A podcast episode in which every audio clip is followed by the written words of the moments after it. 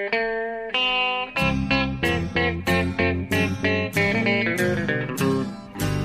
out there, we're on the air. It's hockey night tonight.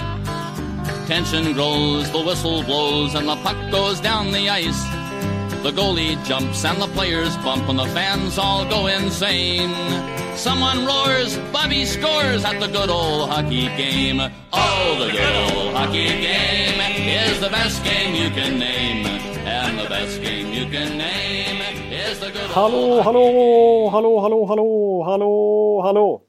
Yes, hallå, hallå med extra eftertryck. Ja. För idag är det inte bara 210 avsnittet av NHL-podcasten utan det är framförallt den sista inför eh, NHL-säsongen 2018-2019.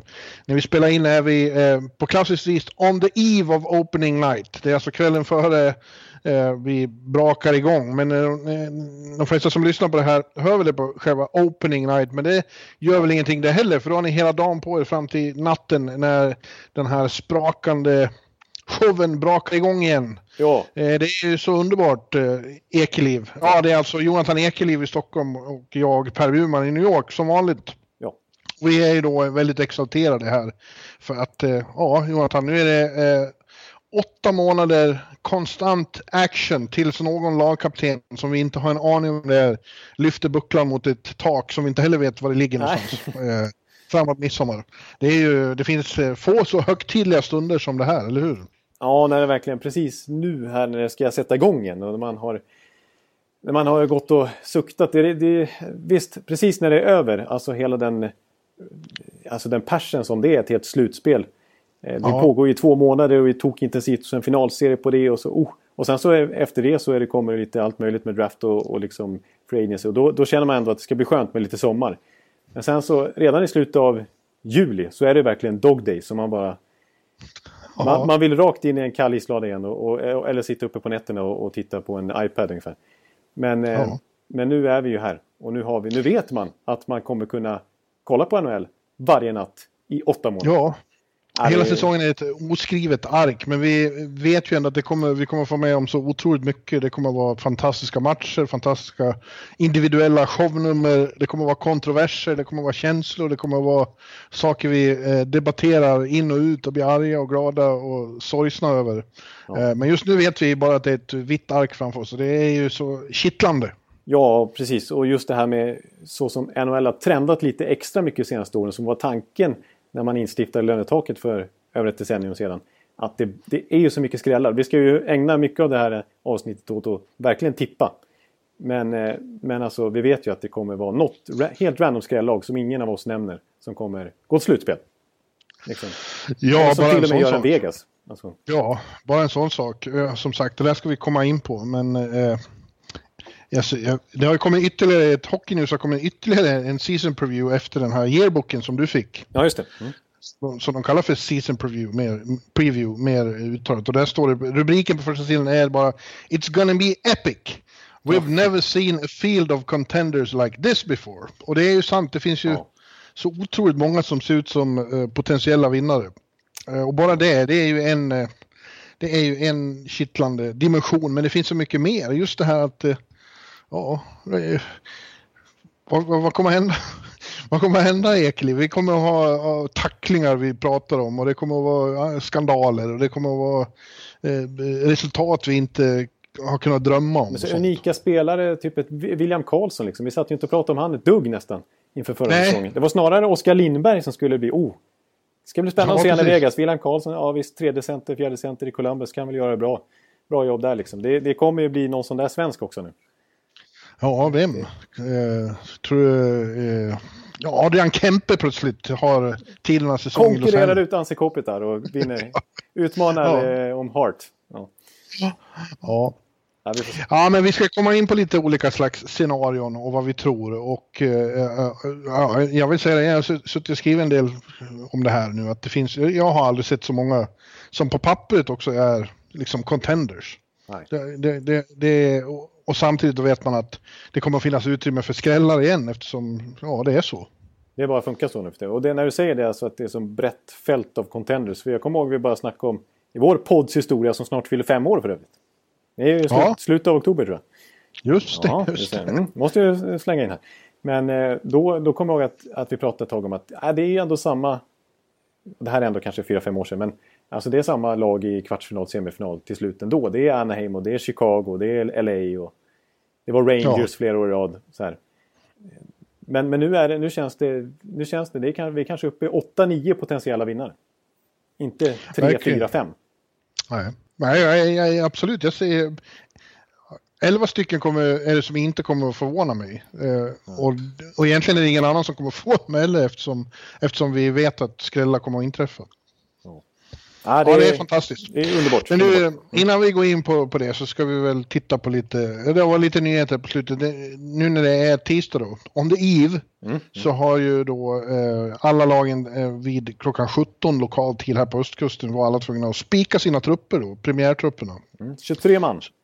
Ja, så nu har vi alla, alla lag eh, framför oss och vi kan konstatera att eh, Eh, om vi börjar ur svensk perspektiv då så eh, var det några som vi väl trodde hade bra chans på och några kids som vi trodde hade bra chans på att nypa en tröja som ändå får börja i, eh, i AHL. Ja, det, det, var några sådana exempel ja. På ja. spelare som vi har i våra preview-avsnitt här fram till denna stund har utgått i princip från att de ska få börja säsongen i NHL. Men så blev det inte. Nej. Det tydligaste exemplet, det måste jag säga, att det är ju din din kille höll jag på att säga. Nej men han som eh, håller till i, i, på Manhattan hade vi trott i alla fall. Ja, ja Elias Andersson ja. Det, det, var nog, eh, de flesta trodde nog faktiskt det. Att det, det, det var inte mycket snack om att eh, nu börjar Elias eh, som del av den här rebuilden de håller på med här. Ja. Och eh, han hade en, eh, en, en bra camp. Han vann ju till och med Lars-Erik Sjöberg Award. Det, ja. det som delas ut till, av journalisterna till den som har haft bäst camp. Ja, det, det, är alltså på riktigt, det, det, det heter ju så. Det är inte så här, det låter, ingen så här Biffen Awards. Det låter ju som något, något eh, pris i bloggen men den heter ju Lars-Erik Showberg Award. Ja, mm. efter gamla taxen, Lars-Erik ja. Sjöberg. Ja. Eh, och det delas ut till den rookie som haft bäst eh, camp. Ja. Och det var Elias, men ändå så väljer de att, att, att starta honom i Hartford. Han var väldigt besviken själv så vitt jag förstod. Ja. Eh, och, eh, men det är ju bara en, en, en åtgärd för att få honom att liksom... Äh, de säger ju det, de vill att han... Alternativet var att han skulle vara fjärde center här då, så uppe i NHL till att börja med och få ganska spar, sparsamt med istid. Ja. Där nere får han ju då 20 minuter per match och de vill att det ska börja så. Men precis som många andra av de här vi kommer att prata om nu så tror jag att Lias ganska snart är tillbaks på den stora scenen. Ja, det, det förväntar jag mig också. Men jag kan förstå att det sticker lite i ögonen när Alltså en sån som Brett Howden till exempel som kom i den här McDonough-traden för ett halvår sedan. Eh, mm. Han i samma ålder, ålderskategori som tar en plats då i NHL före honom. Och Philip Schüttil som ju gick efter Elias i första rundan där 2017 som också får chansen. Så det, de, de ger ju ungdomar, verkligen unga tonåringar i princip, 20-åringar, eh, chansen här i sin rebuild. Men Elias Andersson får alltså börja AHL. Men på ett sätt... Ja, så, men de tror ju att de, de, får lite andra roller och de vill som sagt att Elias ska spela mer. Ja, och det tycker jag ändå är jätte... Det kan man ju tolka som väldigt positivt för Elias del. Mm. Att de inte vill att han ska vara någon fjärde center och fastna i den rollen. Utan Nej, att precis. de vill att han ska spela 20 minuter och lära sig eh, liksom, akklimatisera sig på liten rink och få, få mycket förtroende istället. För att annars är risken att han skulle kunna bli lite hamna i ett fack där som någon slags tredje, fjärde center och inte komma uppåt till hierarkin. Som till exempel en William Karlsson gjorde i fyra år här. Fyra, fem år mm. i Nordamerika innan han verkligen fick chansen. För han var ju låst i ett fack i Columbus. De, hade, ja. de, såg, de såg ju absolut inte att han skulle kunna bli mer än en tredje center. Mm. Så att... Nej, så, så är det och, och, och, man förstår att han är besviken nu. Han var nog väldigt inställd själv på att spela NHL. Uh, och inser ju då inte nu själv att det här kanske är ett, ett, bra eh, grepp i ja. hans karriär. Men eh, om fem, tio år så kommer han kanske vara tacksam för det. Precis, och eh, som du sa att han kan komma upp senare den här säsongen. Vi förväntar oss att Rangers, om de inte skulle toköverraska här och eh, nosa på en slutspelsplats framåt våren, så kommer de ju att trada bort en Zuccarello till exempel och kanske en Hayes. Mm. Och kanske någon mer, vem vet, en Kreider. Och då är det ju verkligen plats i topp 6. Och då kommer Elias Andersson garanterat få en framskjuten roll. Så... Ja, jag, jag, tror att det kan hända även innan dess, ja. alltså rent bara för att eh, han förtjänar det. Ja, precis. Nej, men så att jag, jag måste ändå säga att först så blev jag förvånad men på ett sätt så ser jag det som positivt att, att Rangers har en bild av honom som en topp 6-spelare och inte eh, mm. ger honom en Brett Hounder-roll nu i bottom 6 istället. Ja. Nej. En annan som eh, då eh, jag var förvånad över eftersom jag var i Buffalo förra veckan och gjorde reportage och pratade med många i media där och bilden de hade var att eh, Alexander Nylander hade varit en av campens stora utropstecken och att eh, det kändes nästan som att han var en, en nykomling också. De kunde räknas in som, som ett av de nya spännande tillskotten där. Men eh, tydligen så gick det inget vidare under slutet av campen då i träningsmatcherna för även Alexander har blivit nedflyttad igen då till eh, farmen. Rochester. Ja, och det är inte så kul. Och det är, där, eh, men, men, måste, men ja. Du måste ja. nästan åka till Rochester snart här för det är så mycket svenskar där också vet du. ja, Rochester ligger väldigt nära Buffalo och jag ska ju vara en del i Buffalo så det är väl ja. inte omöjligt. Du har Pilot, du har Viktor Olofsson och Asplund och Nylander förstås. Ja. Mm. ja. Jo då, men det är ganska nära Buffalo så det är inga problem. Nej, nej. Bara inte behöver vara mitt i vintern för, för, för det, det, det, det, är tuffa vintrar där uppe. Ja, det förstår jag. Uh.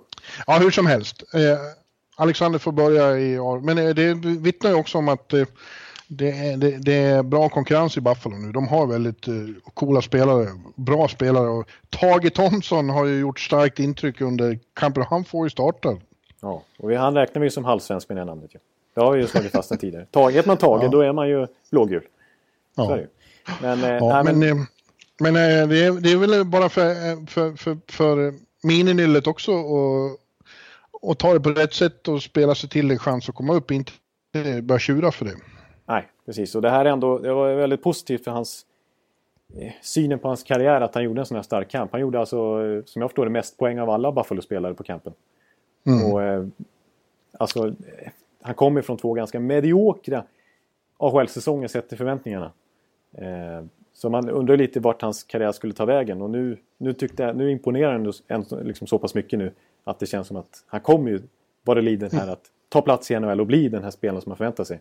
För att så bra var han ju faktiskt nu under kampen. Så.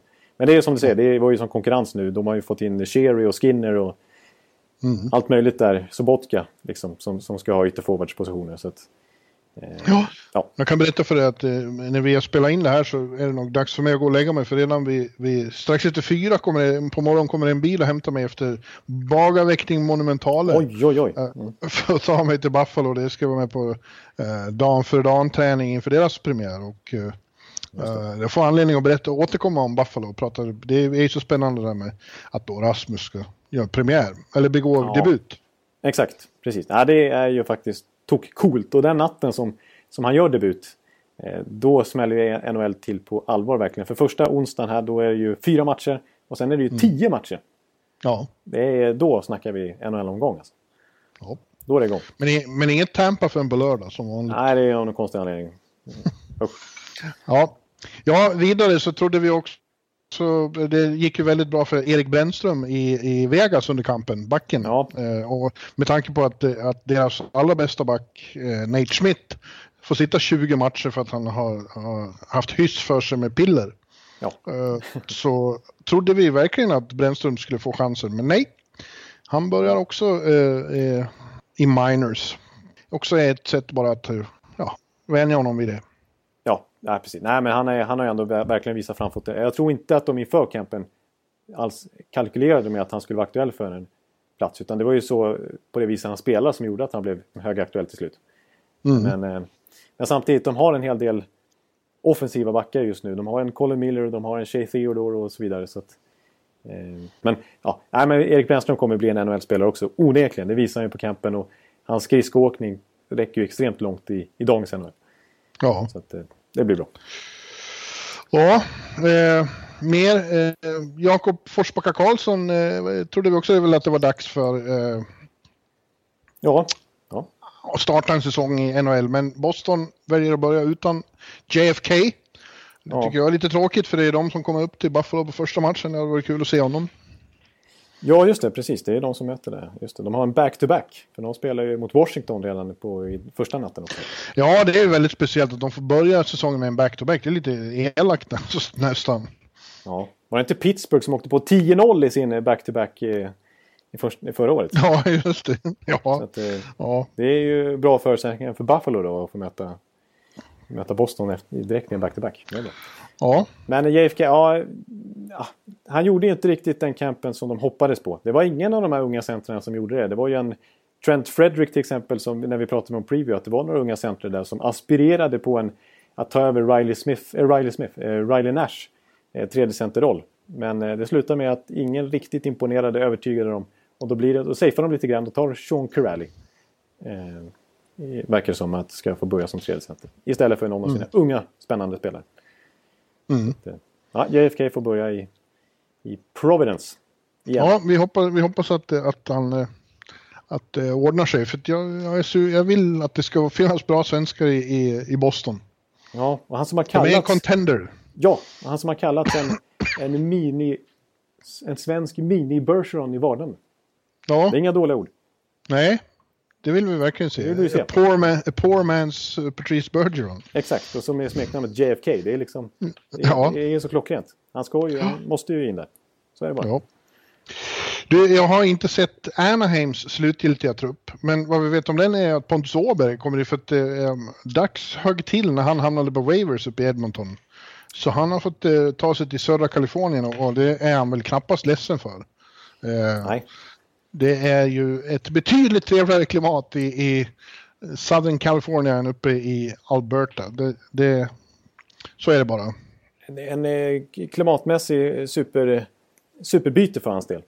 Och Ja. även eh, faktiskt... Eh, alltså visst, han fick ju några byten liksom med, med McDavid i fjol.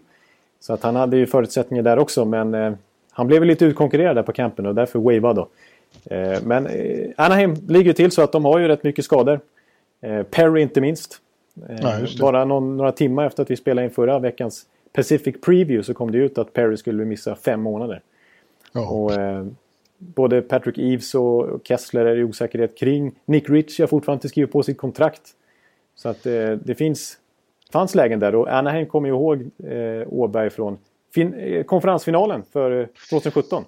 Verkligen sant. Där var han ju faktiskt med och var lite tongivande i, i Nashville. Precis. Han gjorde en jävligt bra slutspel då. Gjorde ju ett av de snyggaste målen i hela finalen. Exakt, det var ju frimärkesmässigt. Det Ja. han gjorde. Men han gjorde en 3-4 poäng mot Anaheim också. I de, i de sista avgörande matcherna i den serien. Så de, kom, Ja. de minns ju honom i skräck och har en extra kanske god bild av honom som spelare. Ja. Mm. Men jag vet inte hur det har gått för de andra två. Marcus Pettersson har väl tagit en plats, men gör också Isak Lundeström det, rookien? Det är ju så att Isak Lundeström är eh, med i 23-mannatruppen. Ja, vad härligt. För Mm. han- det var han tog sig i draften i somras och eh, har tydligen gjort väldigt starkt intryck under försäsongen här. Precis, så pass att han alltså åtminstone får de här första nio matcherna. Och eh, Luleå hade ju räknat med att få hem, för, liksom att han inte ens skulle spela klart campen utan att han skulle komma runt ja, 25 september kanske. Ja, Men nu, nu kommer han ju vara kvar, om inte hela säsongen så åtminstone framåt, slut, framåt november nästan. Va? Så han får en rejäl chans här Isak Lundeström och det är ju bara hatten av att gå från, vad gick han, runt 20 plats i, i, i första rundan till rakt in i NHL. Men det har ju också lite grann att göra med skadesituationen också som öppnar upp platser. Då. ja, det är klart. Men det är ändå kul. Vi har två stycken som går rakt från draften in i NHL då, med honom och Rasmus. Ja. Och då, då, Och så, och så Elias Pettersson från fjolårets draft också. Exakt. Det är ingen... eh, Det, det, det, han ser man ju onekligen framåt. Däremot eh, så fick ju eh, Jonathan Dahlén också, fick, ju- blev ju också då skickad till eh, AHL. Eh, Och det var lite tråkigt för att under, under, i alla fall under rookie-campen och rookie-matcherna då hade ju de sånt, eh, sånt lir ihop att, att ta det som, ja men vi får ett nytt svenskt brödrapar direkt. Ja, Men eh, gick lite tyngre då tydligen för Dahlén under vanliga campen. Men det känns ju också som en sån som bara står på tillväxt och snart kommer ja precis. Ja, men det är ju... Det är ju men de har mycket spännande forwards. Eller mycket och mycket, men det, det, var, det var en tuff konkurrenssituation. Man ska inte skratta bort Vancouver bara för att de har ett svagt lag på pappret. De har en del... Det var en Nikolaj Goldobin till exempel som Travis Green har en väldigt eh, god bild av tränaren efter sina år som AHL-tränare. Och som, är, som nu ska spela med Elias Pettersson, verkar det som. Och så Besser naturligtvis och eh, Horvath och hela. Alltså de har, och det som fortfarande har lite potential kvar. Så att, eh, det var inte helt lätt för Dahlén att bara peta folk där. Nej, Vancouver är ett av de här lagen jag får en känsla Tänk om de plötsligt eh, tar ett stort steg i utvecklingen som vi inte har räknat med. Ja, men... jag, jag har på senare, senaste dagen har jag också fått en, en, en stark eh, bara en magkänsla av att New York Islanders kommer att överraska oss alla. Ja, den, den, alltså, den, är, den är jag ju lite tveksam till. Men du kan, har du någon eh, mer motivering? Okay. På Islanders? Ja. Nej, mer att jag tror att Barry Trotz kan, kan eh, koka en eh, vi mot världen soppa lika stark som den som uh, uh, Vegas föråt sig på förra året nu när Tavares har lämnat och de som har blivit kvar är bara nästan förnedrade att de är så värdelösa enligt alla. Jag är inte så säker på att det är med det. Ja, men Islanders forwardsida är ju, är ju nästan, jag skulle säga att det är, det är övre tredjedelen av NHLs eh, forwardssidor. Ska jag säga. Men det, det jag är orolig för är lite grann målvaktssidan trots allt och inte minst backsidan som inte är uppgraderad sedan i fjol. Däremot så har de en bättre coach naturligtvis som kan styra upp mm. det materialet. Så att man kanske inte ska räkna ut dem totalt. För jag menar, för några år sedan såg vi hur Leddy och Boychuk gjorde det väldigt, tog dem väldigt långt. Mm. Eh, så att... Eh, ja, du kanske har lite... Jag tror generellt så här att ofta brukar ju lag som är väldigt nederlagstippade få motivation ur det. Eh, ja. Just som du beskrev Vegas, men andra lag också. Så att, det, jag tror också att här, framförallt i början av säsongen, innan de kommer in i den stora grinden, att, att många lag kommer gå på ren inspiration som är nederlagstippade. Jag tror till och med ett sånt lag som Rangers kan överraska lite här i början. Ja men det har ju du sagt. Ja. Det stod ju i min eh, stora preview att, ja. att du har sagt att, att de kommer att börja bra. Ja, precis. Så att, eh, återigen. Ja. Men du, eh, fler spelare. Vi måste ju nämna Kristoffer Ehn också. Ja, just det. Det var väl den största övera positiva överraskningen i att Kristoffer Ehn, som jag får erkänna att jag inte ens... Ja, jag hade ingen koll på honom alls. Nej. Men han, han startar för Detroit Red Wings. Ja, men precis. Han går direkt från Frölunda, han har gjort ett antal, två, tre, fyra säsonger i, eh, i SHL. Eh, Lidköpingskille, precis som eh, Rasmus Dahlin. Två stycken Lidköpingskillar ja. rakt in i NHL.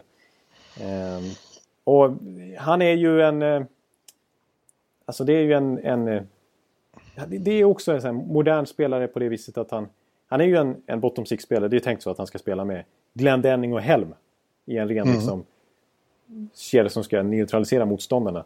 Och han är, det som är hans främsta kännetecken är ju det som är det mest moderna av allt som, som alla klubbar söker. Det är ju speed. Det är ja. det som har, en har. Han har ju en motor och han har speed. Han är jobbig att möta. Och han har ett bra spelsinne också. Eh, men framförallt så, så, så, så flyger han fram på isen. Han är en jävel på att åka skridskor alltså? Ja, det, ja visst.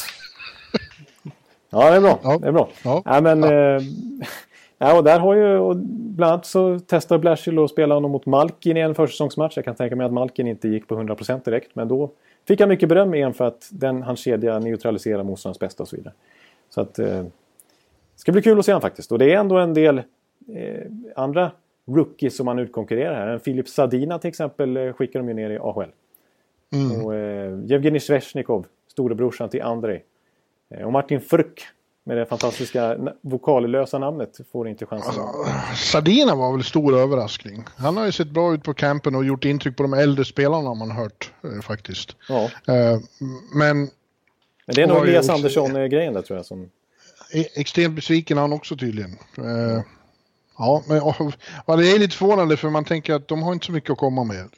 Wings liksom. Nej, Nej precis men... Det, det, trots att de skickar ner han nu så är det ju man får nästan gnugga sig i ögonen när man ser eh, alltså, Wing, alltså Red Wings eh, line-up nu. Alltså, det är så mycket unga spelare. Oh. Alltså kolla första kedjan. Det är ju, det är ju Tyler Bertuzzi, Dylan Larkin, Anthony Manta. Och sen har du spelare som eh, Michael Rasmussen, Athanasiu, En.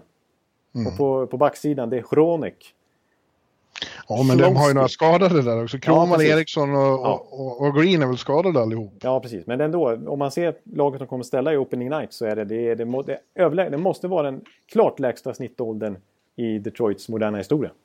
Ja, och, och, och med lägst svensk faktor då eftersom bara, det blir bara Nyqvist, ja så en då. De är i alla fall två. Ja, en och två. du, du, ja, vilket, Vilken superform du, du är här on the eve. Nej, jag ber om ursäkt. Jag är lite trött. Det här var ett jävla race här för att få ihop biblar och förhandsmaterial och grejer. Ja. Man, man kommer igång direkt. Det är inte så att man behöver känna sig ringrostig när själva grundserien Pennan börjar. glöder ju när du sätter igång och åker till Buffalo. Ja, det har ju varit ett par veckor här nu när det har varit riktigt intensivt. Och det är väl bra. Försäsongen är över även för min del. Ja, det är precis. Det är en försäsong även för, för dig kan man säga. Ja. Ja. Ja, men, eh, sen så innan vi kanske börjar snegla lite mot tipsen så får jag en- även nämna i svensk eh, synväg att eh, ja, det är inte så förvånande men, men Per Lindholm och Andreas Jonsson i Toronto. Det är ändå två rookies. Ja, att Andreas Jonsson skulle eh, slå sig in, det förstod man redan efter förra säsongen för att eh, Babcock var ju så extremt förtjust i honom. Ja. Eh, men det är väldigt starkt av Lindholm också att komma och, och, och direkt från SHL. Vad är han, 26 va? Ja, han är ju precis. Det är ingen Ja, yngling går rakt, in som, går rakt in som center i laget. Det är värt applåder tycker jag. Ja, precis. Så att, eh, De har en hel annan uppsjö med svenskar som har fått lämna för Marlies då. De, de har ju så mycket svenskar som man kan, kan knappt hålla reda på alla. ja, det är fruktansvärt och, många. och Rosén och... och, och Borgman. Borgman och... Tymmarsson, Lin- Liljegren och Ja. Karl Grundström och eh, Pierre Engvall. Och, ja. Ja. Ja. Men, men den cent- centersidan som Per Lindholm ingår i nu, den är, den är inte så dum. John Tavares, Austin Matthews, Nathan Kadri och så Per Lindholm. Ja, nej. Nej, nej det, är de är en av dessa elva contenders jag har identifierat. Ja, du har lyckats eh, lista ut att de har en möjlighet till. Det är bra. Ja, sen får vi se då. eh, Nylander kommer ju... Jag har fortfarande inte skrivit på. Så att eh, den... den eh, ja, den... Vad ska vi säga? Eh, Förhandlingstaktiken eh, mellan dessa två parter fortsätter ju. Ja, det, tar några, det tar några veckor till, sen Och det, det är inte så dramatiskt och det tror jag de som lyssnar på podden förstår också. Alltså, vi har försökt förklara några gånger. Jag tycker inte att det här är så dramatiskt. Det händer ju Nej. varje år liksom. Eh, Ja. Så att det, det, är ing, det är ingen jättestor grej. Utan det är, och det är, man ska veta det också att det är inte Nylander som bara är girig här. Utan det är Toronto som försöker pressa ner lönerna maximalt här så att de ska... För att de ska ju, sitter ju i ruggigt svåra förhandlingar snart med Mitch Marner och Austin Matthews också. Ja, Så att eh, alltså skulle William Nylander ha spelat i Colorado säger vi, som inte har något löntagsproblem, då skulle han ha skrivit på för 8 miljoner dollar per säsong för kanske redan förra året. Men Ja, det är just för att Toronto håller på och försöker pressa, pressa hela tiden. Eh, vilket Nylander inte går med på. Han har press på sig från spelarfacket också att inte eh, låta sig luras här av, av Dubas. Så det, är, det är inte bara en girig Nylander här, utan det är en, en komplicerad situation. Ja. ja, vi får anledning att återkomma till den. Ja. Har du något annat att säga om, om eh, som inte är svensk eh, Ja, relaterat vad gäller trupperna som är satta nu? då? Ja, men det har jag. Har, eh, jag har en eh, grej åtminstone. Man skulle kunna snöa på hur mycket som helst. Men en, en grej som sticker ut. Det är ju den, den finska campen kollektivt sett. Ja, Det är, de har många fina grejer som man kan ta upp. Alltså den, den stora... Kotkaniemi och Heiskanen och kompani. Ja, om, om man börjar. Vi kan ta... eh, eh, spara Kotkaniemi lite grann och bara konstatera när du sa Heiskanen. Att de hade ju eh, i 2017-draften där, så i första rundan så bara... Ja, det, bara det var ju så mycket finska backar som helst som blev valda. Det var fyra stycken totalt. Förutom Heiskanen så var det ju Välimäki, eh, Vakanainen av Boston, eh, Jocki Harju av Chicago idag. Det var ju Taves och Kane som läste upp hans namn för den draften var i Chicago. Och så... Eh, Ja, det var de fyra. Det var ju fyra namn. Och, och alla de inleder nu i NHL. Alla ingår i sina respektive 23-mannatrupper. Det är stort. Det är stort, bara ett år senare. För eh, det har ju varit lite bristvara på just finska backar ett tag. De har haft väldigt mycket bra forwards eh, och fått fram superstars. Men om det nu också kommer högklassiga backar då blir de ett av världens bästa landslag om inte annat. Ja, men precis. Det är det vi har sagt nu i flera år här. Att det, det, spetsen saknas lite grann på backfronten, men nu kommer ett fyra nya direkt här. Eh, Ja, och så några till. En Rikola till exempel i Pittsburgh som inte var som är odraftad då, som går rakt in i laget där. Det är imponerande. Imponerande från finska sidan. Men den största grejen är naturligtvis Jesper Kotkaniemi. Som ju gick trea totalt här i draften eh, i somras. Eh, och som Ja. då eh, faktiskt, vilket ju många har konstaterat här senaste dagen, att han blir den första 0-0 i amerikansk proffsidrott i de fyra stora ligorna. Om man räknar in Ja. basketen och baseball och allting. Han är den första som debuterar i, i, på den scenen. Eh, för att han är ju en dag före Rasmus Dahlin. Dahlin spelar först på torsdag. Medan Kotkaniemi Montreal är en dag före. Just, just det, just det. Och han har ju varit så pass Ja. bra på campen så att de har inte kunnat peta honom. Det är stort. Så det, Och så Heis- Heiskanen då i Dallas, enligt vår vän Jarko ska ju han då blåsa Dahlin på årets uh, Calder Trophy eh, succé. ja, precis. Ja. Eh, och han har varit väldigt bra på campen han också. Ja, de har, ja du ser, Dallas, Dallas. Ja, vi kommer snart till det. Ja, ro, det måste jag säga när vi ändå är inne på det. Rope Hintz, eller nu slaktar jag uttalat det, jag vet det. Jarko stängde av precis när jag sa kanske Rope Hintz. Något sånt där. Eh, som eh, forward i Dallas. Som har tok-imponerat där och eh, gjort det bra när han fick spela ihop med Seguin och Ben till exempel. Och verkligen klev fram. Och han får chansen i, i öppningsrosten också och kanske kan bli en liten eh, eh, joker där så i, som secondary scoring-spelare. Vilket de verkligen. Rope. Rope. Rope! Ja, Ja, det är stort. Ja, men vad bra. så att, eh, grattis Finland! Grattis Finland till eh, en underbar start på säsongen. Normally, being a little extra might be a bit much, but not when it comes to healthcare. That's why United Healthcare's Health Protector Guard fixed indemnity insurance plans, underwritten by Golden Rule Insurance Company, supplement your primary plan so you manage out of pocket costs. Learn more at uh1.com. Ja, Ja, men du, eh, vi har ju då under fyra veckor, fyra veckors tid har ju vi eh, gått igenom alla divisioner, lag för lag. Eh, och eh, analyserat och berättat vad vi tycker och tror om dem. ja, Eh, men idag, on the eve, ja. så ska vi också berätta vad vi, hur vi tippar då. ja vi har ju faktiskt inte tippat konkret än utan vi har bara analyserat. Ja, du har inte gjort det i alla fall. Nej. Jag har ju publicerat tips nu i, bloggen. Ja, det har du onekligen gjort ja. ja. Och får ju hålla fast vid dem då. Tipsen jag har där. Men hör vad du kan... Och eftersom jag publicerar dem så kan vi börja med mitt lilla facit då, eller redan publicerade facit. Ja. Och så får du, och så får du Kontra. rätta eller hå- hålla med, eller ja, kontra. Eh, och vi börjar med Atlantic ute i öst då. Och där eh, håller du med om att det finns eh, olika schatteringar i den här divisionen. Det finns the big three där med Tampa, Toronto och Boston. Ja. Och så finns det bottom four med Buffalo, Montreal, Detroit och Ottawa. Och så Florida inklämd emellan lite grann. Ja. Säga. och jag tror att det är givet att Florida kommer fyra. Och jag tror att de kan ta sig till slutspel dock på ett, en av wildcard-platserna. ja. Uh, de har Buffalo närmast efter sig där. Eh, Montreal och så i botten är Detroit och hopplösa Ottawa, tror jag. Ottawa, om de har en bra säsong, då, är det, då är det en större succé än att Vegas gick till final i år. ja det, är ju, det kan man verkligen säga. Är, om, om, det ska vara, om det ska följa den här logiken, eller ska vi säga ologiken eller vad det nu heter. Eh, som, som NHL präglas av så, så kommer ju Ottawa ja, kommer vara kanon i år. Oj, oj. Ja. Melnyk. Men sen är det då frågan vilka som av de här tre i toppen. Och, och jag pratade med någon i Toronto häromdagen som sa att det kommer att vara ett stenhård race i grundserien därför att alla tre vill komma etta för att undvika att stöta på någon av de andra i första omgången. Precis. Vilket ju tvåan och trean kommer att göra. Och Toronto vill inte gå upp mot Boston eller Toronto. eh, Nej, och precis. det vill inte de andra heller. Så det blir jävligt spännande på det viset. Det var ju faktiskt lite så förra året där eh, det var ett ruggigt race mellan Boston och, och Tampa om den första platsen Ja. framförallt. Och, och sen eh, blev det en ruggigt hård serie mellan Toronto och Boston i första rundan som gick till sju matcher.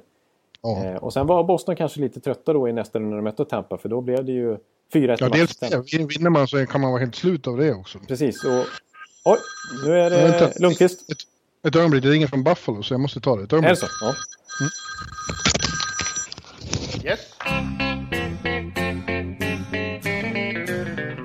Det är ju då otroligt svårt också att, att rangordna dem. De är extremt jämna tycker jag. Ja. Eh, alla de tre. Så det kan sluta hu- hur som helst mellan de tre. Men jag tror det är ganska givet att de tre är i toppen om ingen har en, en väldig svacka. Och jag, men jag sätter Tampa högst. Toronto 2 Boston 3 men jag är helt öppen för att det kan bli precis tvärtom. Ja, jag är eh, helt med dig. Lite tråkigt nog för dynamiken här i podden. Så, men jag har ju skrivit ner mina tips också. Vi eh, skickar ju NHL-bibeln till tryck här eh, tidigt på morgonen. Mm. Och där är mina tips med också så jag kan inte hålla på att ändra mig heller. Utan nu får jag stå fast vid det här. Och då, då har jag i princip samma bara att jag har då Toronto 1 istället för Tampa. För jag är ju pessimist och gillar att dra ner förväntningarna. Så. Ja, ja, Annars är det samma. Det, är möjligt. Det är möjligt att det är Toronto som kommer att vara starkast i grundserien. De har ju ett fruktansvärt lag. Ja, Jag så tror är de kommer vara inspirerade också här. Ännu mer Ja, än verkligen. Tampa. För Tampa är, Nu var det ett undantag när de vann östra konferensen i fjol. Men annars så har de knappt någonsin vunnit eh, en grundserie. De brukar smyga i vassen lite grann. Eh, Sen måste jag tillägga att jag har slagit fast att Florida tar en wildcard-plats. De går till slutspel. Ja, men det säger jag också. Ja. Ja. Ja, då har vi Metropolitan då. Den är lite mer ett, ett, ett litet getingbo jämfört med Atlantic kan man tycka. Ja, Jag Den är svår. har... eh, Ja, den är svår. Men jag tycker att det är Pittsburgh, Philadelphia, Washington och Columbus som är uppe om de fyra första platserna. Och jag tror att Pittsburgh vinner, Philadelphia tvåa, Washington trea. Columbus kommer in som fyra på en wildcard-plats. Jag tror att det kan bli lite distraktioner där med, med eh, Bobrovski och Panarin som vi har pratat om. ja. New Jersey är med och slåss om den här sista slutspelsplatsen och bakom sig har de New York Rangers, Carolina Hurricanes och Islanders. Fast Islanders har jag ju då börjat vackla om och fått, fått för mig att de kommer att överraska oss. De slutar tvåa. Ja, nej, men eh, ja, jag, jag, jag kommer ihåg att jag sa det. Ja, men det känns som att nu rankar man ändå lite grann till truppens slagstyrka om man tar bort alla förväntningar. Eh, för att Ja. det är så mycket annat som spelar in som gör att, och det är skador hit och dit som gör att eh, det blir förändringar i tipsen. Men eh, ser man till slagstyrka så är det lite utifrån det man, man tippar. Och jag har ju väldigt liknande tabell som du. Jag har Pittsburgh etta, Washington tvåa, Philadelphia trea. Jag tror lite på de tre. Faktiskt. Mm. Eh, Det är också. som, som liksom, att de, de, det kommer bli de tre i toppen. Och sen har jag Columbus som ett wildcard-lag, de går till slutspel. Därunder New Jersey, Carolina, Islanders och så Rangers sist. Trots att jag har ju själv då har försökt eh, hypa upp de här lite grann i början. Men jag tror att de gärna tankar lite grann på slutet. Ja, ja det är mycket, mycket möjligt. Ja, Väst i Central, där är det knallhårt som vanligt i, i, i, Central. Eh, och- ja. Jag säger Nashville 1, Winnipeg 2, St. Louis 3, Dallas 4, Colorado 5, Minnesota 6 och Chicago 7. Jag vet att du inte håller med om allt, men, men eh, på något vis så är det ju Nashville och Winnipeg har ju liksom utkristalliserats som två supermakter här som alla kommer bara vänta på att de går upp igen i, i andra omgången. Ja. I, i, i, i en epic battle. Ja. Eh, men jag tycker även St. Louis och Dallas ser väldigt starka ut. Och det här du sa nu om finländarna i Dallas jag tyckte jag var uppmuntrande vad gäller dem. ja. ja. Nej, det är... Men det är ju även Colorado imponerade tycker jag under slutspelet senast den här hungern de spelar med och hur kvicka de var. Så de går inte att räkna bort. Minnesota är alltid Minnesota. Jag envisas ju med att tro att de får det svårt till slut. Men de, på något vis brukar de ju alltid haka på och ta en sista Ja, de har ju slutspelsplats. gått sex år i rad och så har de grundseriemästarna i, i, i båset också. Ja. ja, och så Chicago. Vad vet man om Chicago? De har Joel Quenneville som coach fortfarande. Vem, det, nej, det vet jag Man fan. vet ju aldrig med Corey Crawford heller. Om han skulle lyckas Nej. hålla sig hel så är det en jätteförstärkning kan man kalla det. Ja. Så att, ja, det är en jättesvår division, jag tycker också det. Och jag, jag håller också St. Louis som, och Dallas som 3-4 där. Eh, men jag, jag är lite rädd för förväntningarna de har på sig nu. För båda de klubbarna förväntas från sina fans och utifrån och inifrån att de ska lyfta nu. St. Louis och Dallas. Ja, Ja, St. Louis och Dallas. Ja, precis. men det, de, å andra sidan, de förväntningarna har de haft på sig i många år nu. Ja, oh, precis. Det är sant. Men eh, ja, det är, det är, ja, precis. Och just därför tror jag att så här, Minnesota kan smyga lite ändå. För de, de, det är många som har den här teorin kring dem att de känns lite tråkiga. Och, Ja. det, det måste göras om lite där. Och jag tycker ju egentligen, jag var inne på det i den previewn också, att de egentligen borde inleda det redan nu. Men de kommer, kommer ännu inte komma någonstans i slutspelet. Eh, De behöver bygga om. Eh, Men, Men du fortsätter, du älskar ju dina Dumba och Spurgeon och, och sådana. Ja, Precis. Charlie Coyle. ja visst. Mm, jag tog ju Charlie Coyle här i, i fantasy. Mm. Ja. Eh, Men... Ja, eh, den ska vi ska prata snart om. Ja, det ska vi göra. Du har ju faktiskt introducerats för det nu. Ja, Att, eh, Ja, ja, och Colorado, alltså visst. Jag är lite rädd för förväntningarna där också. Att de ska, alltså vilken självbild de har nu. För i fjol var det just den här extrema arbetsmoralen. Och också lite det här att ingen trodde på dem. De kom från en historiskt dålig säsong. Eh, Men nu har de ju helt andra krav på sig. Men samtidigt så har de ju ändå förstärkt laget med Ian Cole till exempel. Med Philip Grobauer inte minst.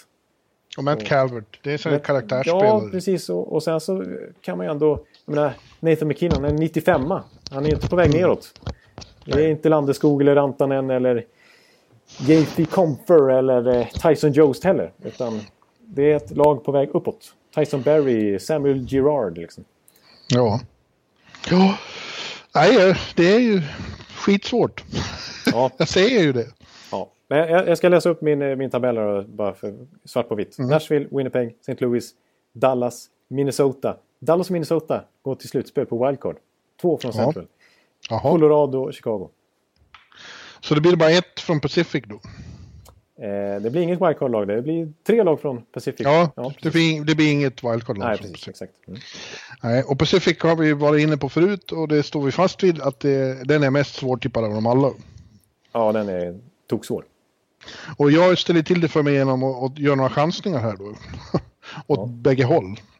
Ja, det, men det gillar man ju. Eh. Det är det, det, är det vi lyssnarna vill ha egentligen. Ja, man måste försöka lite i alla fall tycker Ja. jag. Och, och det blir så jävla tråkigt om man bara utgår från att... Ja, ja. ja men eh, det är ingen chock att jag i topp har San Jose Sharks. Det hade jag faktiskt redan innan de gjorde supertraden med Erik. Ja, Eh, men eh, det har ju, den har ju då stärkts, den tron att de är bäst i Pacific och att det svors både här och där när de faktiskt eh, bärgade honom. ja precis. Alltså, Dylan DeMello ut, Erik Karlsson in. Det känns inte som att det eh, försämrade di- dina tankar om, om det här laget. Det förstår jag. Nej. Jag har Vegas 2 och sen kommer den stora skrällen då. Jag har Arizona 3. Ja, jag har Edmonton 4, Calgary 5, Anaheim 6, LA Kings 7 Vancouver 8. Ja. ja, b- ja, vi kanske var inne på det redan förra veckan. Jag, svenska fans till exempel, de har ju LA Kings som etta här. De tror att, oj, eh, etta till och med. Mm. tror att de har en kanonsäsong på gång, att det är ett stabilt lagbygge, att, att eh, Kowalczyk blir en katalysator där. Men nej, jag står fast vid att jag tror de är lite för långsamma. Och att konkurrensen hårdnar nu med... Ja, det är som sagt en jävla chansning att tro att Arizona ska gå till slutspel, men eh, vad sa du själv? Deras ägare hade sagt att vi är en eh, sleeping giant. Ja, Och jag tror ju det, att om de bara får, jag säger det igen, om de bara får en bra start någon gång, de har aldrig fått det under de här senare åren, eh, så, så, så kan det bli väldigt spännande. Samma sak med Edmonton. Eh, jag, jag, tror att eh, McDavid kan liksom få hela laget med sig en gång till. Att de tog ett steg tillbaka i fjol för att de glömde bort att man måste jobba också. De trodde det skulle gå av sig själv efter lite framgång i slutspelet. de fick ju verkligen en innan. dålig start. Ja, men samtidigt så känns det lite, det känns lite, så här, man grimaserar när jag säger jaha, Calgary inte och Anaheim inte och Kings inte. Jag, jag inser att de är såklart med och konkurrerar om de där platserna. Ja, precis. Ja, det är toksvårt. Det är, liksom, det är väldigt jämnt, verkligen jämnt med de här lagen. Det är inget... Det är, men jag, jag, jag, jag faktiskt pekar ut San Jose och Vegas som eh, mina liksom ganska klara slutspelslag. Och Ja. Vegas har vi ändå eh, pratat om nu hela sommaren och fram till nu om att vad ska man förvänta sig? Men jag börjar ändå luta åt att, att de ändå ser så pass starka ut. Trots den här Naismith eh, och att han är Ja. borta så, så tror jag Det ändå gäller ju att de håller i där i början när han är borta. Mm, men men jag, jag, jag tror att... Alltså, det är klart det här med att Karlsson inte kommer skjuta 24 av i mål igen. Men eh, jag, tycker, jag tror på den här kedjan och jag tror på andra kedjan med Stasny, Pacioretty och Alex Tuck eller Erik Haula eller vem det nu blir. Eh, och sen Shea Theodore tror jag kan bli årets Nate Smith. Alltså Ja. att han kan bli en eh, 50-poängsback. Ja. Så att, eh, jag, jag, tycker, och så Galant som tränare som inte kommer låta de här liksom bara sjunka Nej. ihop. Så att, eh, Nej, men de kommer inte ha den här Misfits-motorn eh, att spinna på längre. nej. Jag har De har skrivit förväntningar och, har förväntningar och press på sig nu. Det blir lite annorlunda det. Precis, jag har skrivit en hel krönika i Bibeln om det faktiskt. Ja, om vad eh, härligt. hur helt andra, andra förutsättningar. Jag kallar det för Vegas Golden Knights 2.0. Ja, spännande. Jag ser fram emot att läsa Laine. Ja, där kom han ju. Jag har pratat mycket Finland. Men till slut så gjorde Jarkko inträde i podden. Jävlar vad rädd jag vart. Jag trodde det hade blivit något fel. Prata om Laine. Ja, men vi har pratat om Heiskanen och vi har pratat om eh, Roope Hintz. Ja, Ja. helt. Bra. Ja. Och alla fyra eh, draftettor som, eh, eller draft eh, som gick i första rundan 2017 får börja i NHL. Det är mycket finsk snack. Grattis Finland har vi sagt. Härligt. Ja, bra.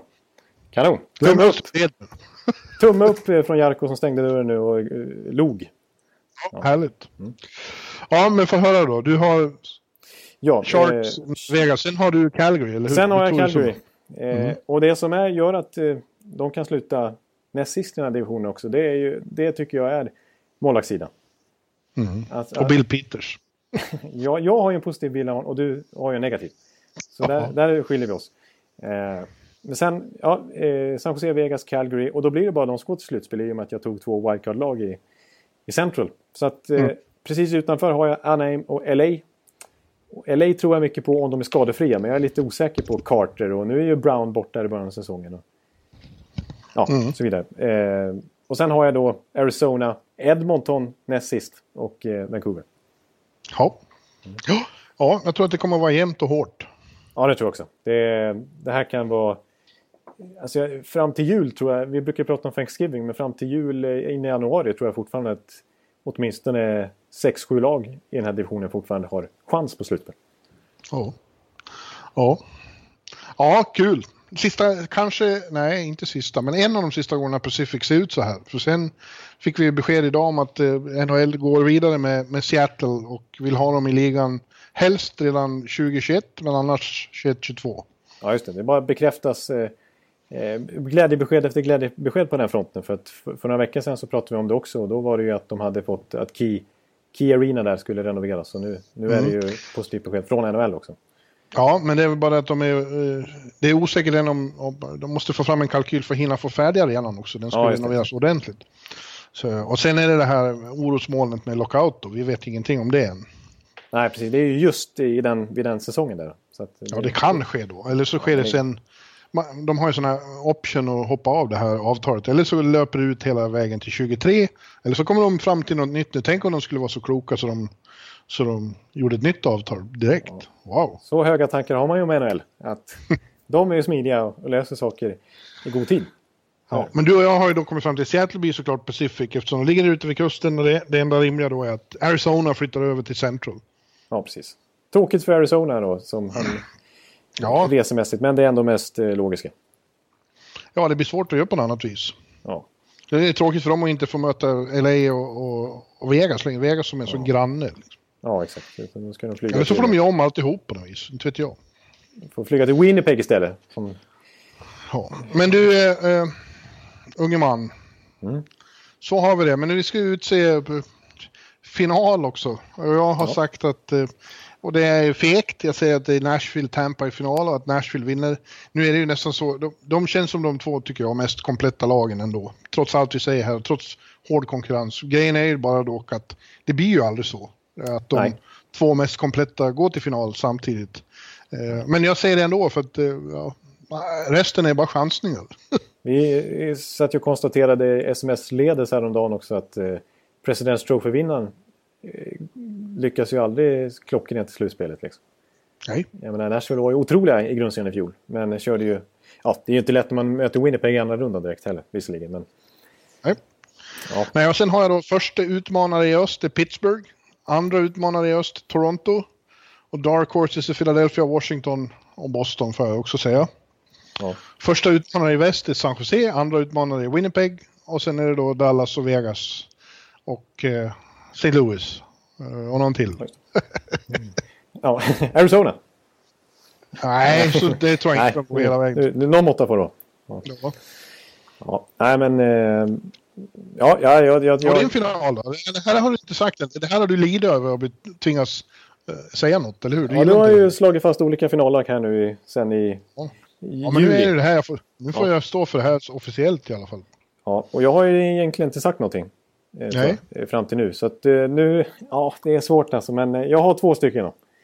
Och, nej, då säger jag att de som möts i final, återigen pessimist. Och nu vet jag att jag kommer inte säga Tampa. Utan mina, mina två lag är Pittsburgh och Winnipeg. Ja. ja. Spännande final. Och att Pittsburgh vinner Stanley Cup igen. Ja. ja, det är fullständigt tänkbart. Ja, ja det är lika tänkbart som tio andra lag ungefär.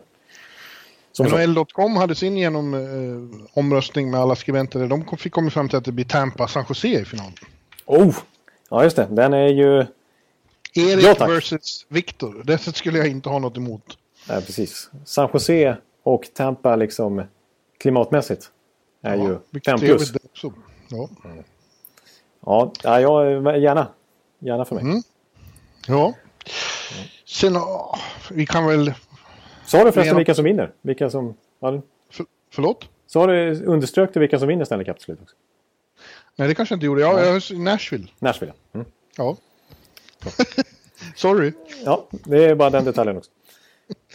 Sen tror jag att eh, Conor McDavid vinner poängligan. Det är väl ingen... Sticker ut hakan? Eh, nej, det är inte så svårt. Jag tror att Patrik Laine eh, vinner målligan. Jag tror att han springer 50. Ja. ja det är ju lite du om ut hakan. Ja, men det, är ju en, det gillar jag i alla fall. Eh, Det är ju hans målsättning Ja, sen har säsongen. vi ja, svensk poängkung eh, säger jag Erik. Eh, och svensk målkung Filip Forsberg. Och Calder, årets rookie Rasmus Dahlin, men jag förstår då att eh, nu säger ni att han kommer att få stryk av en finländare. Men jag, jag säger Rasmus. Ja, men jag tycker inte det är helt... eh, Det är absolut inte osannolikt. De, de, det är ju tydligt att de kommer ge honom stort förtroende verkligen. Yes. Och med den omgivningen han faktiskt har i Buffalo nu så kan det bli en hel del powerplay-poäng från hans sida. Som kommer Mm. hjälpa honom med den caset. Ja. ja. Eh, ja det- jag ska ju inte hålla på och såga dig för att inte sticka ut hakan då, för jag är ju lika tråkig. För ska man liksom gå efter vad man, vad man faktiskt tror, då blir man ju tråkig. Och då är det ju Conor McDavid som poängkung. Mm. Eh, jag har också Line som målkung. Jag har en liten utmanare där faktiskt. Och det är hans, eh, han som gick eh, som draftetta samma år. Austin Matthews.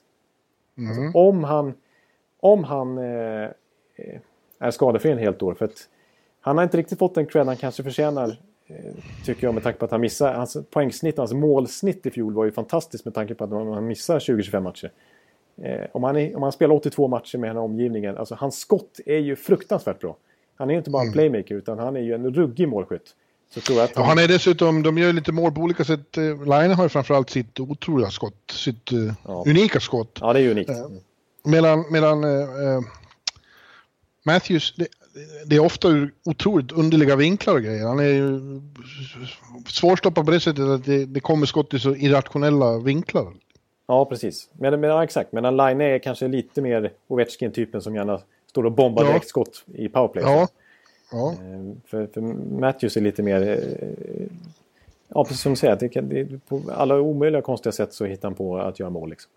Så jag, jag, tror, jag tror mycket på, på Matt, en skadefri Matthews. tror jag väldigt mycket på. Men jag säger Line ändå, tyvärr. Nej, jag säger Matthews då. ja. Så, så har vi en varsin, ett varsitt alternativ. Eh, och som svensk poängkung så förstår jag Karlsson där. För jag tror, jag, alltså utifrån de här försäsongsmatcherna man har sett också, vilket förtroende han kommer få och det powerplayet, hur mycket poäng de kommer göra. ja, Eh, det kommer bli en poäng per match för Karlsson. Det kan bli så pass. ja. Om han är skadefri. Eh, men jag eh, sa inte han ändå. Även om jag kanske tycker att det är logiskt. Jag sa Filip Forsberg. Jaha, ja. Och även målkung då. Eh, nej, faktiskt inte. Där skojar jag till det. Jag säger att Rakell är svensk Ja. Utifrån den här förutsättningen att Anaheim, han, han vann ju deras poängliga redan förra året och målliga. Eh, men nu så när Perry är borta eh, och Kessler och kanske Eves och så vidare så kommer kommer hänga extremt mycket på, på Rakell den här säsongen. Eh, med- Rocket Ricky. Ja, med Getzlaff i sin sida. Så att jag tror Rakell... Jag tror mycket på Rakell den här säsongen. Ännu mer än tidigare. Då har han ändå gjort 34 mål förra säsongen. Så att, Ja. och så, men Forsberg som sagt också lite grann samma, samma, samma som Matthews. Han gjorde ju faktiskt ungefär en poäng per match. Men, missade 20 matcher. Därför var han inte i närheten av toppen av poängligan. Men han har ju bättre poängsnitt än William Karlsson till exempel. Så att, eh, jag, spelar han hela säsongen då blir det ju 80-85 poäng från Filip Forsberg. Jag tror att han kommer att göra mycket mål. Jag tror att han kommer att få eh, slå igenom riktigt som målskytt. Om han får liksom vara på kontinuerlig nivå hela tiden. Ja, Watch blir- out Håkan Loob säger jag. Oj, oj, oj, oj, ja, bra. Eh, Nej, men alltså Och han ska är vi... också över 50. Ja, men eh, vi kan väl slå fast att han gör över 40 då. Då, blir, då kan inte jag tippa Rakell visserligen tror jag. Men vi, vi, vi kan väl nästan säga att, att eh, Forsberg gör 40, minst 40 mål nästa säsong. 46. 46, bra. Björn. Mm. Det ska jag komma ihåg. Ja. Dahlin säger du som årets rookie då, eller hur? Nej, men jag tar en annan svensk. Jag tar Elias. Ja, Elias det är också spännande. Jag har en liten, liten outsider som min hetaste Vessina-kandidat. Vet du vem det är? Nej, det, det vet jag inte. Okej, men ja. Fredrik Andersen tror jag har, dansken har en, eh, en stor säsong på gång. Får jag för mig. ja. Den är kämpe i målet. Ja. Jag, tror att, eh, jag tror att det kan lossna riktigt ordentligt för honom. Och i så fall, eh, då har de nästan inga, då, då, då är Toronto livsfarliga. De kanske är President's Trophy-vinnare och sen går det inte i slutspelet. Det är inte otänkbart. Nej, nej det, är, det, det är så jag tippar lite grann. Utifrån eh, att de ska vinna till exempel det här stentuffa, åtminstone sin division. Ja. Så att, eh, ja. Ja. Mm.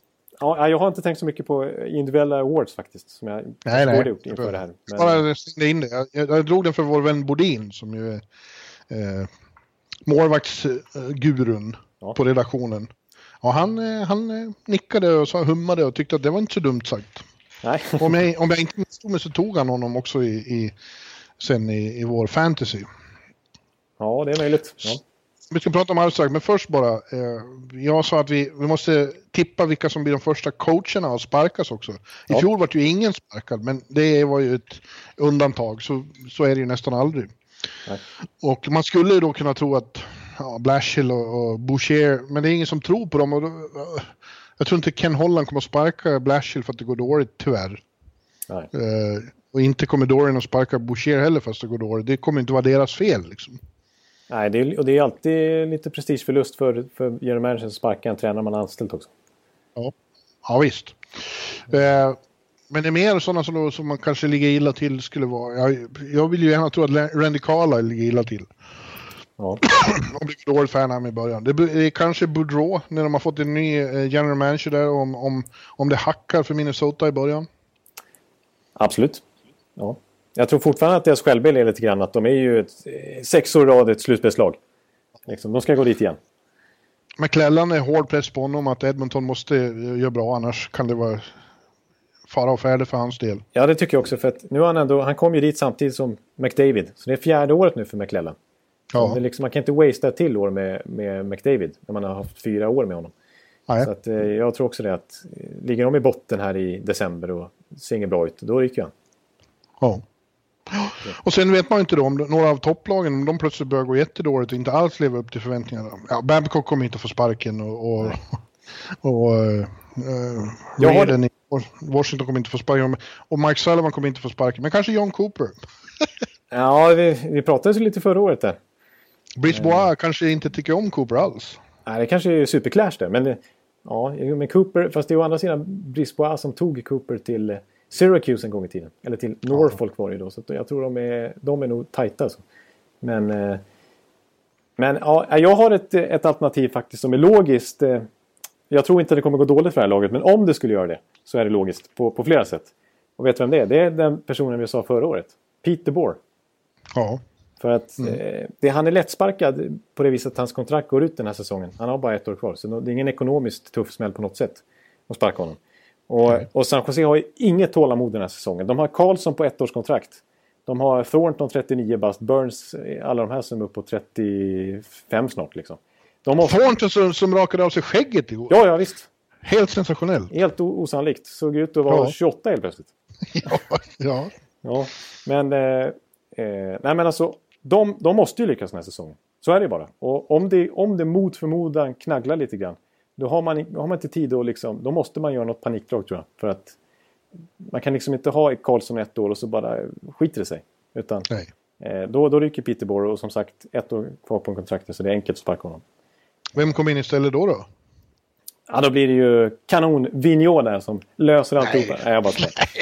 Nej, det, jag vet inte riktigt eh, vad det finns för spännande egentligen. Det, det finns ju ett gäng gamla, gamla rackare som inte fått chansen nu igen med tanke på att det kommit in en hel del nya college-coacher till exempel. Och AHL-tränare som har fått chansen. Bilesma kommer till San Jose.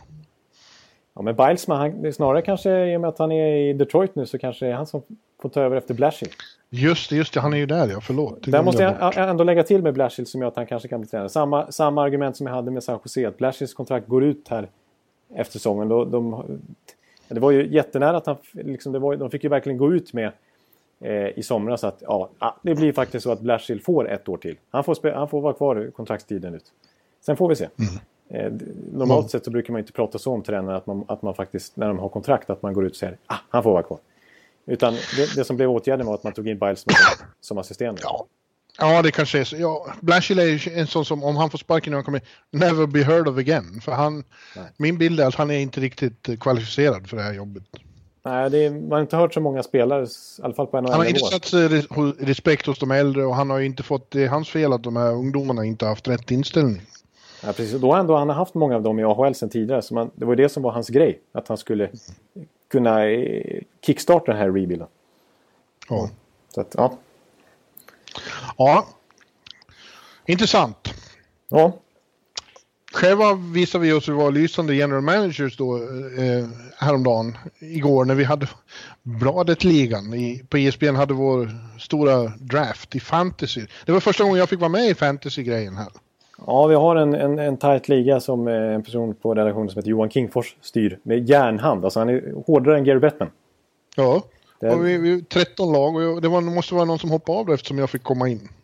Ja, precis. Det är Kingfors som eh, den liksom... Sköter de sig inte, då är, då är det som Bettman. Då skickar, skickar han iväg dem så får ni komma in. Liksom. Att, eh, Ja, du behöver inte säga vem det var då. Det, Nej. det- Men jag introducerade då laget New York Dolls och var tvungen sen att skicka ett mail till er alla. Jag vet inte om du såg det? Ja, ja. Det var ingen som reagerade på detta fantastiska namn. New York Dolls är ju då ett av de bästa rockband som har funnits. Punkpionjärer här i New York tidigt 70-tal. Ja. Eh, och eh, med Johnny Thunders på gitarr. Just det. Så du blev liksom besviken när du har hittat på ett 5 plus-namn och liksom Ja. kliver in i ligan med ett sånt statement och så får du inte riktigt den responsen du förtjänar. Då, Nej, då måste de, du... de heter Smörja som lyftkranarna. Det är Ja. ditt lag. Vad är det Ja. för jävla namn? Nej, det är två plus namn. Det får jag hålla med om. Men jag, jag, har, jag har blivit... Det var- fanns ju någon MMA-fighter som hette Lyftkranen från Rosengård. för ett tag sedan. Ja, okej. Och eh, då, då är den på redaktionen som, eh, som dissar min kroppshydda här och kallar mig för Lyftkranen från Älvsjö. Så, Tänk vad du får höra mycket. Ja. Ellen. så att, eh, det är därför jag heter Lyftkranen. Ja, men det var ju väldigt roligt då. Eh, Det var ju en riktig draft och eh, eh, jag, jag var, kom ju tvåa i draftlotteriet så jag kunde ta Ovechkin. Eh, Och det här, det räknas ju mål och eh, speltid och skott. Och han, när man räknar skott så är det svårt att undvika Ovechkin. Han skjuter ju alltid överlägset mest. Det är han och Burns som skjuter mest. Men bland forwards, Ja. ja. eller överhuvudtaget, det är, det är alltid... Han kommer nästan upp i 400 skott. Liksom. Ja, och du tog ju Burns då. Ja, Jag tog ju Burns, ja. jag ville också ha... Ja, men eh, redan nu har jag, för det har ju varit mindre, ja, ett dygn ganska precis. Jag har försökt drafta lite här, men ni, ni Tra- reagerar Trada inte. menar du? Det, det är inte så mycket drafter i den här ligan har jag förstått. Ja, det, nu, nu, nu blandar du ihop det. Trader. Trader, förlåt. Ja, precis, exakt. Ja, Ja. Trader. Ja, trader. Nu, ja. Ja, men, eh, ja, precis. Nej, exakt. Det är ju det som är kul med fans. Att man kan... Eh, först att det är en riktig draft då. Och sen så att man kan trada med varandra. Att man kan plocka upp free agents och hit och dit. Och många av oss som lyssnar håller säkert på med det här. Men, eh, Du har inte hunnit titta än, men jag har ju föreslagit dig en trade. Ja, jag, jag har sett den. Eh, Traden som, som Bjurman har föreslagit här det är alltså Mika Zibanejad mot Paul Stastny. Och jag... Ja, du, får, du får Paul av mig om jag får Mika. Ja. Och eh, jag kan ju live i podden här ge ett besked. Ja, Ja, eh, nej, men alltså. eh, Jag eh, tänker så här att Mika Zibanejad i ESPN-ligan här är uppskriven som både right-wing och center. Medan Paul Stastny bara är center. Och det, det gör ju att jag håller Mika Ziban- Zibanejad väldigt högt. Och det vet jag att du gör också av både fantasy och personliga skäl. Ja. Så att, eh, i så fall eh, måste herr Bjurman faktiskt komma med en kontring. För att eh, även om Paul Stastny, jag har nämnt han redan i, i det här poddavsnittet och han är ihop med Pacioretty. Så, så, så, så tackar jag faktiskt nej. Herregud vad, fatt, vad fattigt. Alltså, du får, men du, du kan ju svara med ett motförslag då. Ja, precis. Men då måste Du jag... kan inte bara låta den ut i sanden, du måste väl svara åtminstone. Ja, det- Avvisa eller komma med en kontring. Ja, du, ska få ett, du ska få ett förslag som kommer eh, rassla till där i, i, i ligan. Så är det. RK har också fått ett förslag som han bara skrattar åt. Ja, det är sant. Jag, jag, jag ger honom Jesper Bratt mot eh, Gustav Nyqvist. Jag vill ha hästpolo. Ja. Och, och really, om man var general manager och fick Jesper Bratten istället för Gustav. Det skulle man ju ta. ja, det är inte... Ja, Liksom, och, och många fler år på, på sig. ja. Ja, ja, ja, ja, jo, det, det håller jag med. I verkligheten skulle jag definitivt ha gjort den traden. Ja. Vi i New York Dolls klubbledning, vi är väldigt aggressiva som du märker. Ja, ni kommer Vi in tänk- ett brak alltså. Ni, ni förklarar namnet och liksom skickar en besvikelsemeddelande här till, till övriga. Och sen så Ja. sätter ni stenhård fart, eh, försöker få igång eh, trademarknaden här. Ja. Ja, det, det gillar jag ändå. Det är, det är David Poyle-style alltså. Det är, det är och Jarko de jag känner bäst här så jag kommer att, plåga er med trade-förslag hela tiden. Ja, det känns som att det kommer återkommande hela säsongen. Oj. Ja. men nu hör ni lyssnare, nu håller ni på New York Dolls. Det är ert nya favoritlag. Ja. ja. Och om ni bara går på namnet så är, har jag inte en möjlighet. Alltså. För lyftkranarna kommer ingen att hålla på. Det vet jag. Och vi, eh, känner jag oss rätt så kommer det mycket rapporter om den här fantasy-ligan i, vår, i vår podd här. Det Under säsongens gång. Det blir en extra dimension. Ja. ja, det kommer bli spännande faktiskt. Det, det är alltid kul med fans. Jag håller, utifrån den får jag lov att hålla på eh, Washington. För jag fick ju in en jävla massa Washington-spelare. Jag har honom och Kuznetsov och Bäckström och Jos också. Ja, just det. Du har en helt knippe faktiskt. Det är ju sällan man har så många från ett lag. Jag tror jag ska gå efter Burakovsky också för jag tror inte han vart draftad. Så jag kan byta någon mot eh, Burra. Ja, du ser. Då är det ju... Det där måste ju nämna sen i omklädningsrummet under säsongen också. Ja. Josen till exempel, att han är en nyckelspelare i New York Dolls. Ja, Ja. precis. Ja, det, det är bra. Ja. Ja, men du, eh, Vi, eh, det var väl det då. det var väl det faktiskt. Vad, vad finns det mer än att önska dig och alla våra lyssnare en underbar NHL-säsong? Ja, det låter så... Det lät så eh, tack så mycket. Jag, jag låter dig få avsluta på det viset för att eh, det lät trevligt. Ja.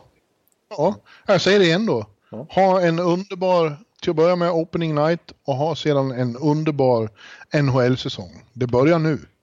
Hej då! Hej! Hallå, hallå, hallå. Hallå, hallå, hallå.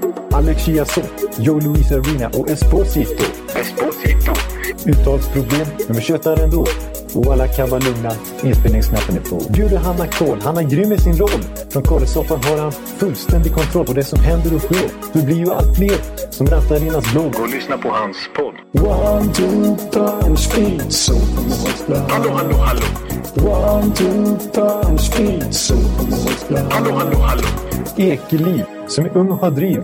Verkar stor och stark och känns allmänt massiv. Han hejar på Tampa och älskar Hedman. Sjunger som Sinatra. Ja, oj, där ser man. Nu är det dags för refräng. Dags för magi, Victor Norén. Du är ett geni. Så stand up at home and remove your hats. Höj volym, för nu är det plats. One, two, time, speed, so Hallå, hallå, hallå. One, two, time, speed, so Hallå, hallå, hallå. One, two, time, speed, so Hallå, hallå, hallå. One, two, time, speed, so Hallå, hallå, hallå. Det er utroligt længe siden mor, der samtidig trods har råd. Hallå, hallå, hallå. Det er utroligt længe siden mor, der samtidig trods har råd.